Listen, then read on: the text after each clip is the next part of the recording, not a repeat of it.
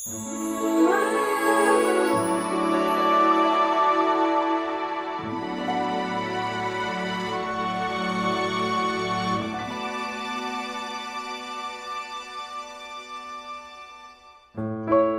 ceria, sobat cerdas, inovasi, dan berkarya.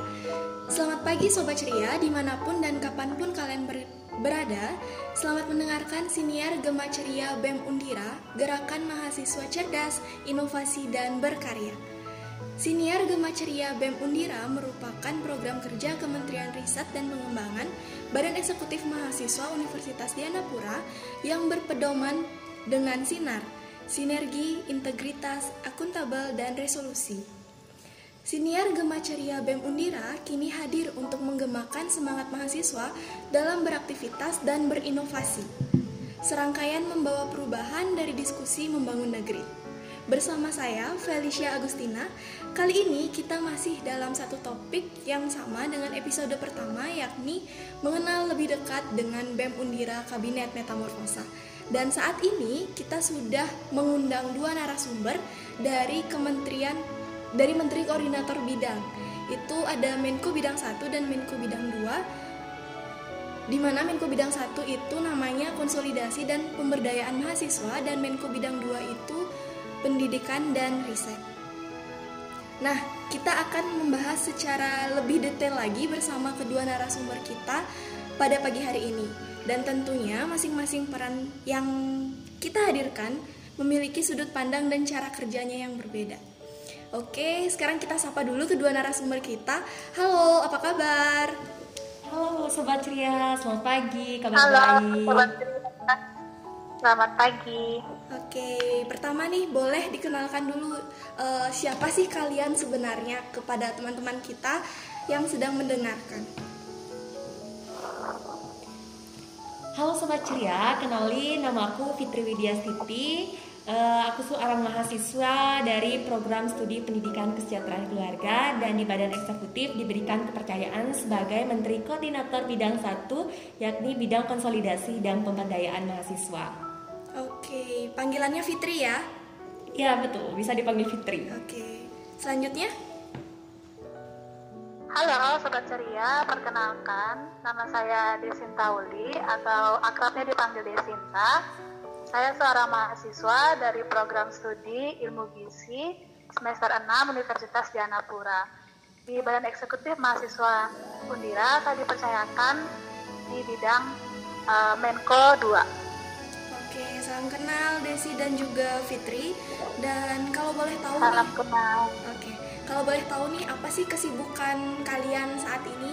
Mungkin kesibukan harian kalian atau kesibukan di kementerian masing-masing. Bu- boleh dari Fitri atau Desi duluan? Eh, Dari Fitri dulu ya. Eh, dari Fitri dulu deh. Oh, Ya. Baik, saat ini kesibukannya Fitri itu eh, sebagai seorang mahasiswa yang sedang menjalankan kegiatan perkuliahan daring dan saat ini juga masih sedang melaksanakan kegiatan training sebagai salah satu pemenuhan untuk menuju skripsi nanti. Dan kesibukan di bidang kementerian saat ini eh, belum ada kesibukan yang mendetail karena kita saat ini masih tahap untuk menuju kegiatan di aliansi seperti itu. Oke, selanjutnya dari Desi. Em, kalau dari saya sendiri kesibukan sehari-hari yaitu sebagai mahasiswa di jurusan ilmu gizi kemudian eh, saya juga disibukkan dengan eh, menulis Eh, di sini saya eh, memiliki sebuah novel seperti itu jadi eh, kesibukan saya bolak-balik dua itu saja kemudian juga eh, rutinitas di rumah Eh, kemudian kalau di kementerian sendiri itu saat ini ada beberapa program kerja yang sedang dijalankan oleh salah satu kementerian. Eh, yang lainnya masih dalam proses eh, pengerjaan dan juga masih dalam proses eh, penataan lebih baik supaya saat dikerjakan nanti eh, bisa eh, berjalan dengan baik kayak gitu. Oke, lumayan padat ya. Ternyata kegiatan yang kalian sedang lakukan. Nah, kalau boleh tahu nih dari Menko Bidang 1 dan juga Menko Bidang 2, eh, kalian itu membawahi kementerian apa aja sih? Eh, jadi kalau eh, misalnya saya Fitri di uh, Menko Bidang satu itu membawahi dua kementerian, ada Kementerian Luar Negeri atau yang lebih kenal uh, dengan Mendagri dan kedua itu adalah Kementerian Luar Negeri yang lebih kita kenal dengan Menlu. Oke, kalau dari Menko Bidang 2? Kalau di Menko Bidang 2 sendiri membawahi uh, dua kementerian juga. Yang pertama yaitu ada Kementerian Riset dan Pengembangan, kemudian yang kedua ada Kementerian Pendidikan. Oke, kalau untuk tugasnya nanti mungkin kita akan bahas di episode selanjutnya ya dari kementerian-kementerian yang sudah dijelaskan oleh Menko bidang kita. Nah, terus uh, kita juga perlu tahu nih apa sih yang sebenarnya perlu untuk dimiliki oleh seorang Menko. Oke, dari Fitri dulu silakan. Uh, jadi kalau misalnya menurut saya pribadi, kalau menjadi seorang Menko itu hal yang harus kita miliki adalah kesadaran penuh akan tanggung jawab kita. Jadi jangan sampai nanti uh, kepercayaan yang dibeli, diberikan oleh orang lain kepada kita itu nanti kita sia-siakan. Kemudian kita harus mampu ketika menjadi seorang menggo itu mengesampingkan kepentingan pribadi untuk kepentingan di organisasi dan yang tidak kalah penting lagi adalah gimana cara kita sebagai pemimpin itu mampu mengayomi setiap anggota yang berada di bawah naungan kita seperti itu. Oke, sekarang kita ke Desi nih. Kalau menurut pandangannya Desi, apa sih yang perlu dimiliki oleh seorang Menko? Um, kalau menurut saya pribadi, uh, seorang Menko itu pertama sih yang paling wajib itu harus memiliki tanggung jawab seperti itu. Uh, sama seperti yang Fitri bilang tadi, kita harus memiliki tanggung jawab penuh terhadap apa yang sudah dipercayakan kepada kita seperti itu. Kemudian selain tanggung jawab, seorang Menko itu juga perlu uh, memiliki rasa uh, kasih atau mengayomi divisi-divisi yang dia ayomi seperti itu. Misalkan uh, kementerian yang dia ayomi, kita harus bisa mengayominya dengan baik. Kemudian uh, harus lebih dekat dengan masing-masing uh, kementerian, tidak ada yang lebih dekat atau yang kurang dekat. Pokoknya harus sama rata seperti itu supaya tidak ada kecemburuan. Kemudian sebagai seorang Menko juga harus bisa menjadi contoh dan teladan yang baik bagi kementerian-kementerian yang diayominya seperti itu. Okay. Dari saya nanti itu tiga hal itu. Oke, okay. ibarat seperti ibu yang mengayomi anak-anaknya gitu ya. Iya, ya, benar. Oke, okay. tadi berbicara tentang tanggung jawab nih, sebenarnya apa sih uh, tugas dan juga tanggung jawab dari Menko Bidang 1 dan juga Menko Bidang 2 di uh, BEM Undira? Ya, bisa dari Fitri? Uh, jadi kalau misalnya dari saya pribadi melihat kalau tugas seorang Menko khususnya di bidang satu itu sendiri adalah bagaimana ia mampu memberikan contoh kepada bawahannya dalam melaksanakan tugas. Kemudian tanggung jawabnya itu adalah ketika uh, salah satu dari kementerian atau kedua kementerian yang kita naungi itu melakukan kesalahan itu uh, tidak menyalahkan salah satu uh, salah satu anggota kementerian yang menjalankan, tetapi bagaimana kita mampu memperbaiki bersama-sama kesalahan yang mereka lakukan karena kesalahan dari seorang anggota dari kementerian itu adalah kesalahan dari Menko itu sendiri seperti itu. Oke, kalau dari Desi?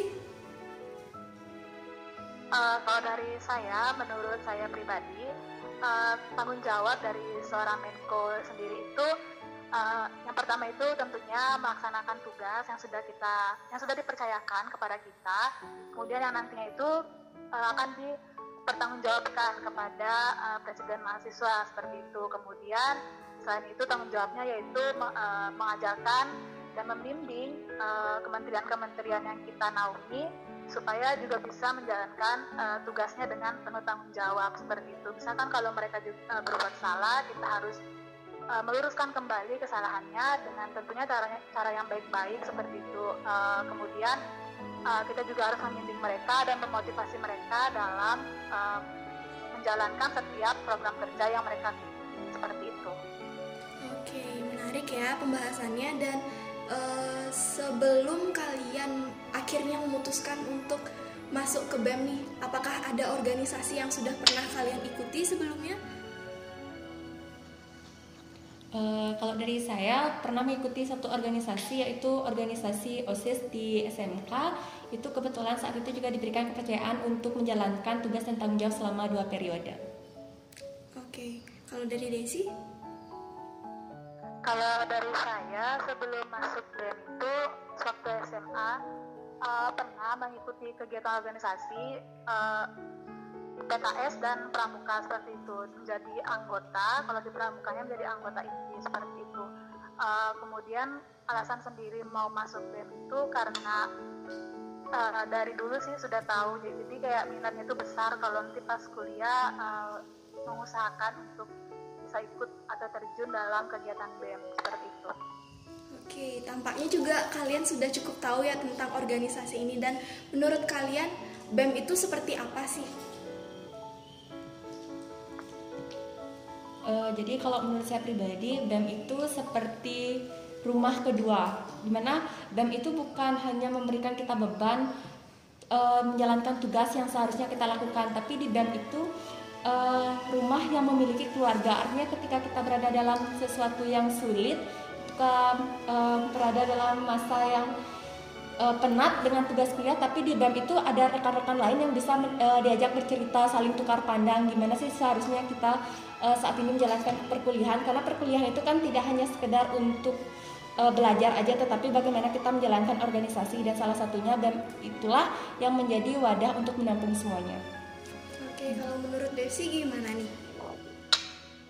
Kalau menurut saya uh, BEM itu hampir mirip seperti Fitri itu ibarat seperti rumah kedua uh, bagi saya sendiri di mana uh, bedanya yaitu saya menganggap BEM itu sebagai salah satu wadah yang bisa membuat kita belajar apa itu organisasi, apa itu bekerja dalam tekanan, kemudian apa itu namanya bekerja sama dengan orang-orang yang memiliki latar belakang yang berbeda dengan diri kita kayak gitu. Jadi uh, di sini juga saya belajar dari BEM itu uh, bahwa kita uh, bisa memiliki keluarga lain uh, selain keluarga saudara seperti itu maksudnya uh, jadi uh, dari BEM itu kita bisa menambah relasi menambah hubungan persaudaraan dan juga tentunya pengalaman-pengalaman baru yang sangat bermanfaat bagi kita untuk di masa depan. Oke, ibaratnya kayak uh, kita belajar lebih gitu ya di BEM dan uh, yang kita tidak dapatkan di kampus kita dapatkan melalui organisasi gitu ya? Iya iya benar. Selain akademik betul. Dan juga uh, dari tugas-tugas kalian nih di bidang masing-masing gimana sih cara kalian untuk bisa memaksimalkan fungsi dari adanya Menko tersebut? Dari Desi gimana? Um, kalau saya sendiri untuk memaksimalkan tugas-tugas saya sebagai Menko Nah, itu yang pertama tentunya harus bisa uh, belajar dalam mengatur waktu seperti itu. Kemudian mau uh, memberikan diri untuk membantu eh, rekan-rekan uh, dalam kementerian yang kita naungi ketika mereka menjalankan program-program uh, kerja mereka dengan cara ya seperti kita memberikan saran atau pendapat atau masukan seperti itu. Kemudian uh, kita tidak langsung meninggalkan begitu saja tapi kita harus tetap memantau perkembangannya bagaimana kemudian nanti sampai akhir hasil akhirnya itu seperti apa kemudian uh, bisa melakukan evaluasi supaya uh, kementerian ke depannya bisa jauh lebih baik seperti itu. Dari Fitri?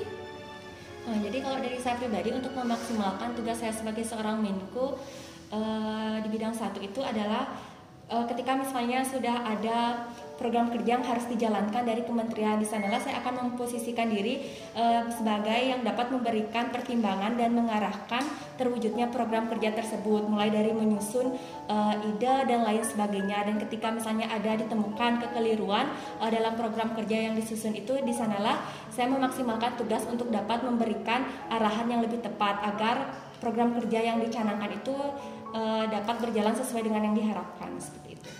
Oke, intinya untuk bisa memaksimalkan tugas itu harus tahu dulu ya tugas tugas dari kalian itu apa gitu dan sejauh ini pun juga kalian sudah benar-benar paham dengan tugas kalian itu uh, apa gitu ya. Dan juga kalau untuk masuk ke organisasi ini kan tadi seperti yang Desi katakan itu bisa menambah relasi ya dan relasi yang pernah ya, benar. ya relasi yang pernah terjalin di organisasi dalam hal apa aja sih mungkin oh ya ini juga sudah tahun kedua kalian ya di BEM mungkin kalian bisa menceritakan tuh gimana sih relasi yang sudah pernah terjalin sebelumnya mungkin dari Desi oke okay. dari oke okay. uh, kalau menurut saya pribadi yang sudah terjadi, maksudnya sudah ada relasi yang saya dapatkan melalui kegiatan ini. Yang pertama yaitu uh, awalnya kita nggak kenal kan seperti itu, apalagi dulu ada kakak kelas seperti itu, sekarang ada di kelas. Uh, itu awalnya kita tidak kenal, tapi dengan kita memupuk relasi yang baik, jadinya kita bisa saling mengenal satu sama lain. Kemudian uh, walaupun di BEM maupun di luar BEM kita tetap bisa menjalin relasi yang baik seperti itu. Jadi sudah seperti uh, keluarga atau sahabat dekat. Kemudian uh, kalau misalkan salah satunya kesusahan atau butuh bantuan, uh, karena sudah memiliki relasi yang baik, kita jadi bisa saling menolong seperti itu. Oke, sebelumnya kalau boleh tahu Desi di tahun pertama itu menjabat sebagai apa? Waktu saya tahun pertama di Badan Eksekutif Mahasiswa itu saya menjabat sebagai anggota dari Kementerian Luar Negeri. Oke, Kementerian Luar Negeri artinya ada juga ya relasi di luar gitu ya, bukan hanya di intern BEM saja. Iya benar, waktu kemen di Kementerian Luar Negeri uh, saya beserta uh, Menko Menko dan teman-teman yang terkait di dalamnya itu juga menjalin hubungan atau relasi kepada kampus-kampus lain yang ada di luar. Jadi tidak hanya terikat di dalam kampus tapi juga bisa di luar kampus jadi lebih banyak dan lebih besar lagi cakupan relasi temanannya seperti itu. Oke kalau dari Fitri gimana nih? Uh, jadi uh, untuk relasi di BEM itu yang awalnya kan kita di BEM ini terdiri dari uh, latar belakang program studi yang berbeda. Dengan dengan bergabungnya saya di BEM itu saya lebih tahu jadinya uh, organi maaf lebih tahu jadinya pro, uh, apa ya latar belakang dari program studi program studi yang ada di Undira. Artinya saya tidak mengenal saja program studi yang ada uh, di lingkungan FES saja tetapi juga di FKST kemudian uh, pada saat inilah tahun kedua uh, bergabung di Badan Eksekutif Mahasiswa di mana sebelum diberikan kepercayaan sebagai Menko, saya juga merupakan staf dari Kementerian Dalam Negeri.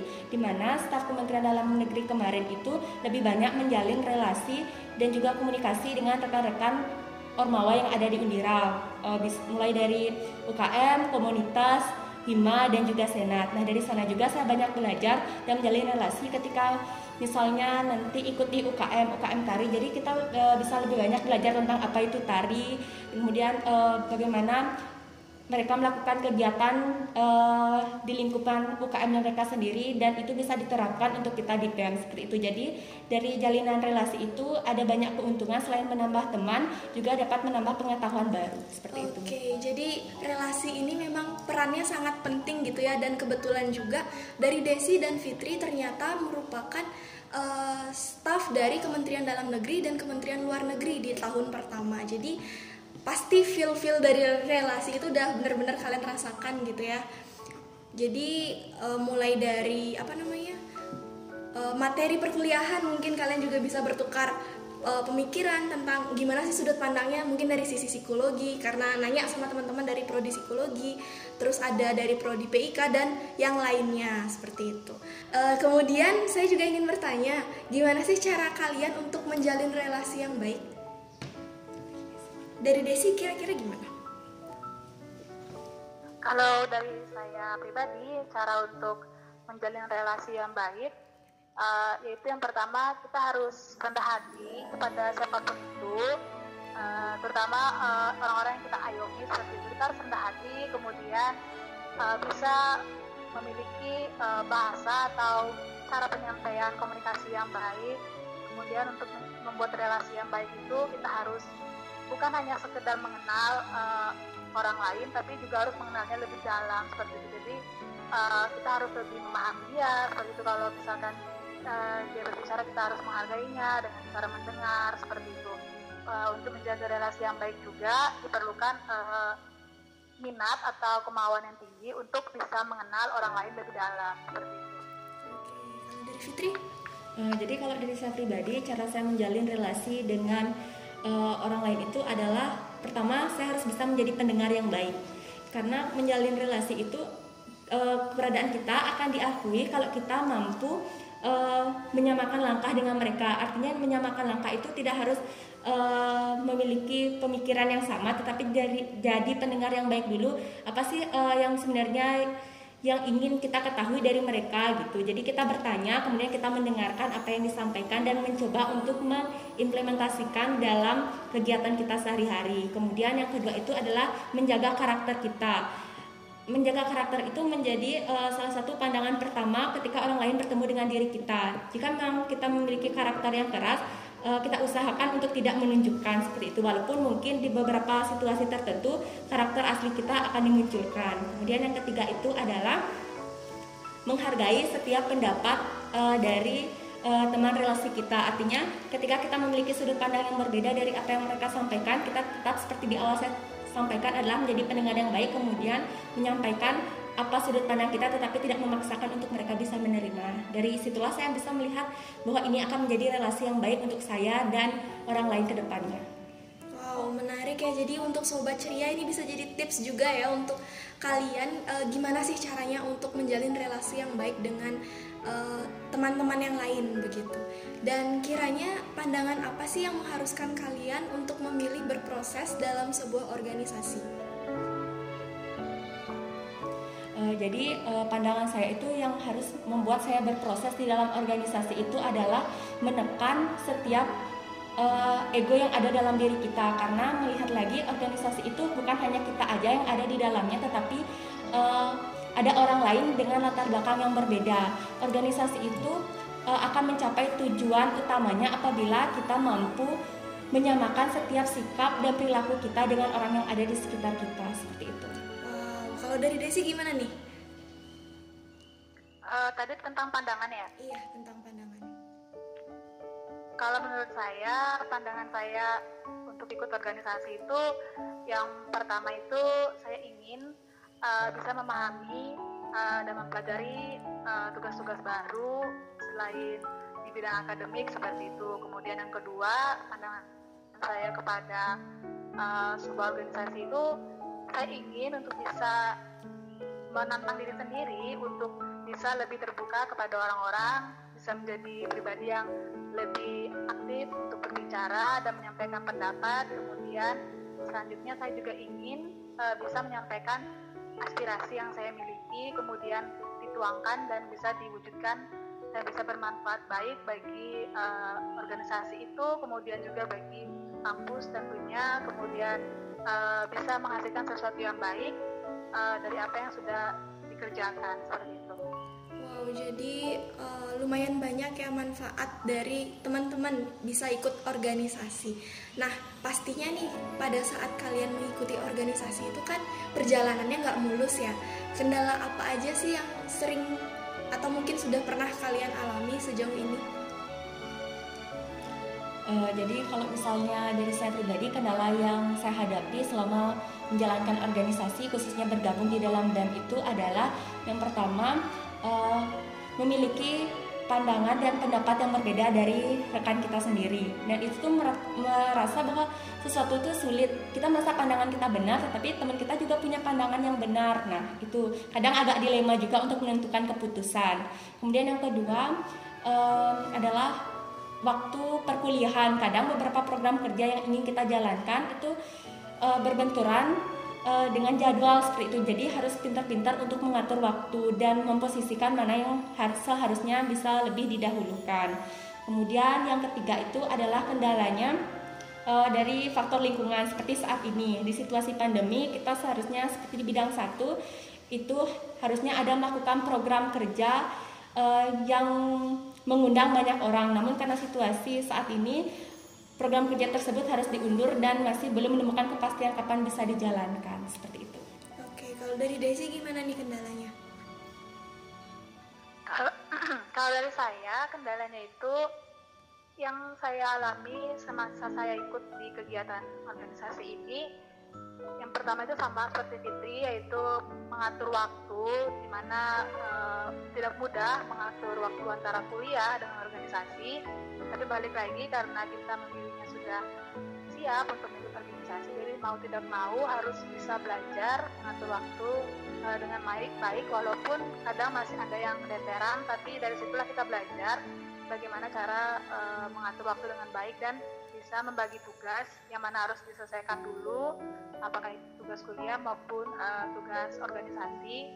Intinya harus dibagi sama rata dan yang prioritas didahulukan seperti itu. Kemudian kendala lainnya uh, ketika uh, kita di kementerian uh, memiliki pendapat atau uh, opini yang berbeda, uh, jadi itu bagaimana sikapnya kita, apakah kita bisa menempatkan diri untuk bisa mengambil tindakan uh, yang lebih baik untuk mengatasi uh, perbedaan opini tersebut. Kemudian uh, di zaman sekarang ini uh, seharusnya kan uh, semua bisa dilakukan uh, offline, tapi karena keadaan seperti ini, jadinya semua beralih ke online seperti itu. Jadi uh, beberapa program kerja di kementerian itu ada yang harus di ralat lagi atau direvisi lagi uh, tujuan-tujuannya dan waktu pelaksanaannya tentunya.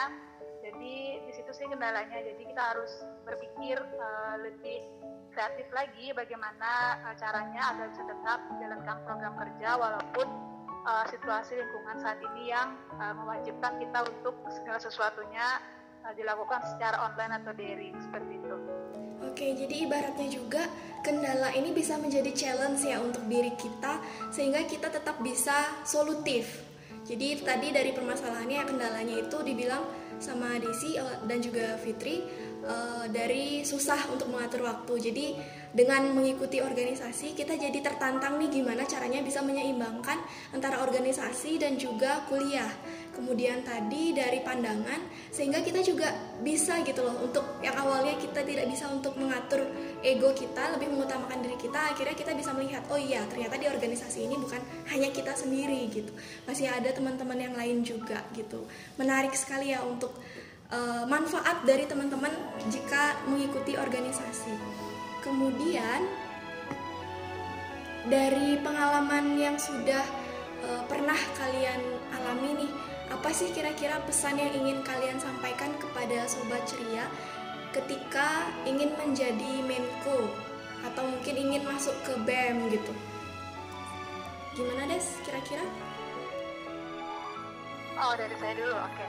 Uh, eh, kalau menurut saya uh, untuk sobat-sobat ceria nih uh, jangan takut untuk mencoba hal yang baru, apalagi kalau hal yang baru itu adalah hal yang positif seperti itu. Uh, jangan ragu untuk ikut organisasi mau masuk organisasi mana pun itu baik itu BM maupun organisasi lainnya.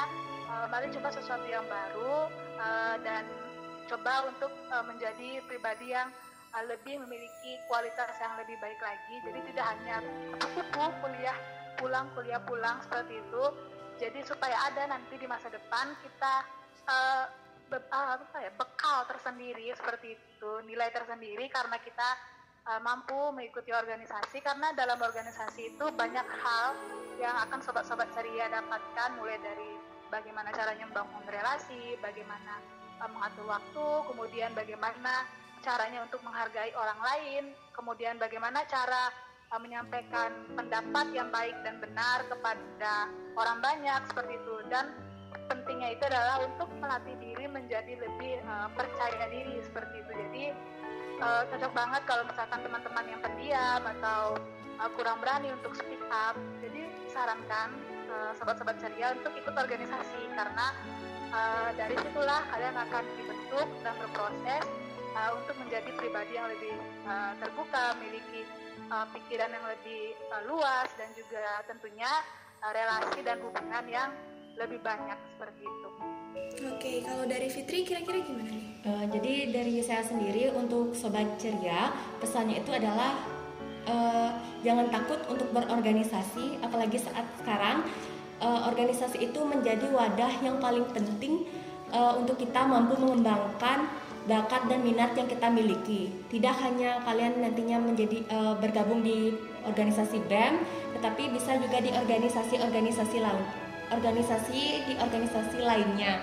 Seperti di Undira sendiri itu ada organisasi BEM, UKM, komunitas, HIMA dan Senat. Nah, semua organisasi ini memiliki prinsip yang sama yaitu e, menjadi wadah untuk kita mampu menyampaikan aspirasi yang kita miliki. dan jangan jangan sampai kita menjadi anak muda yang hanya menjalankan kegiatan rutin seperti kuliah ataupun sekolah kemudian pulang dan itu berulang berulang gitu nggak ada warna untuk kegiatan kita ke depannya jadi saran saya adalah jangan takut untuk berorganisasi jadikan organisasi sebagai rumah untuk kalian mengembangkan diri wow jadi bisa kita nilai ya kalau misalnya menjadi biasa aja yang hanya menjalankan rutinitas itu memang enak karena kan sudah tahu nih apa aja yang harus dikerjakan.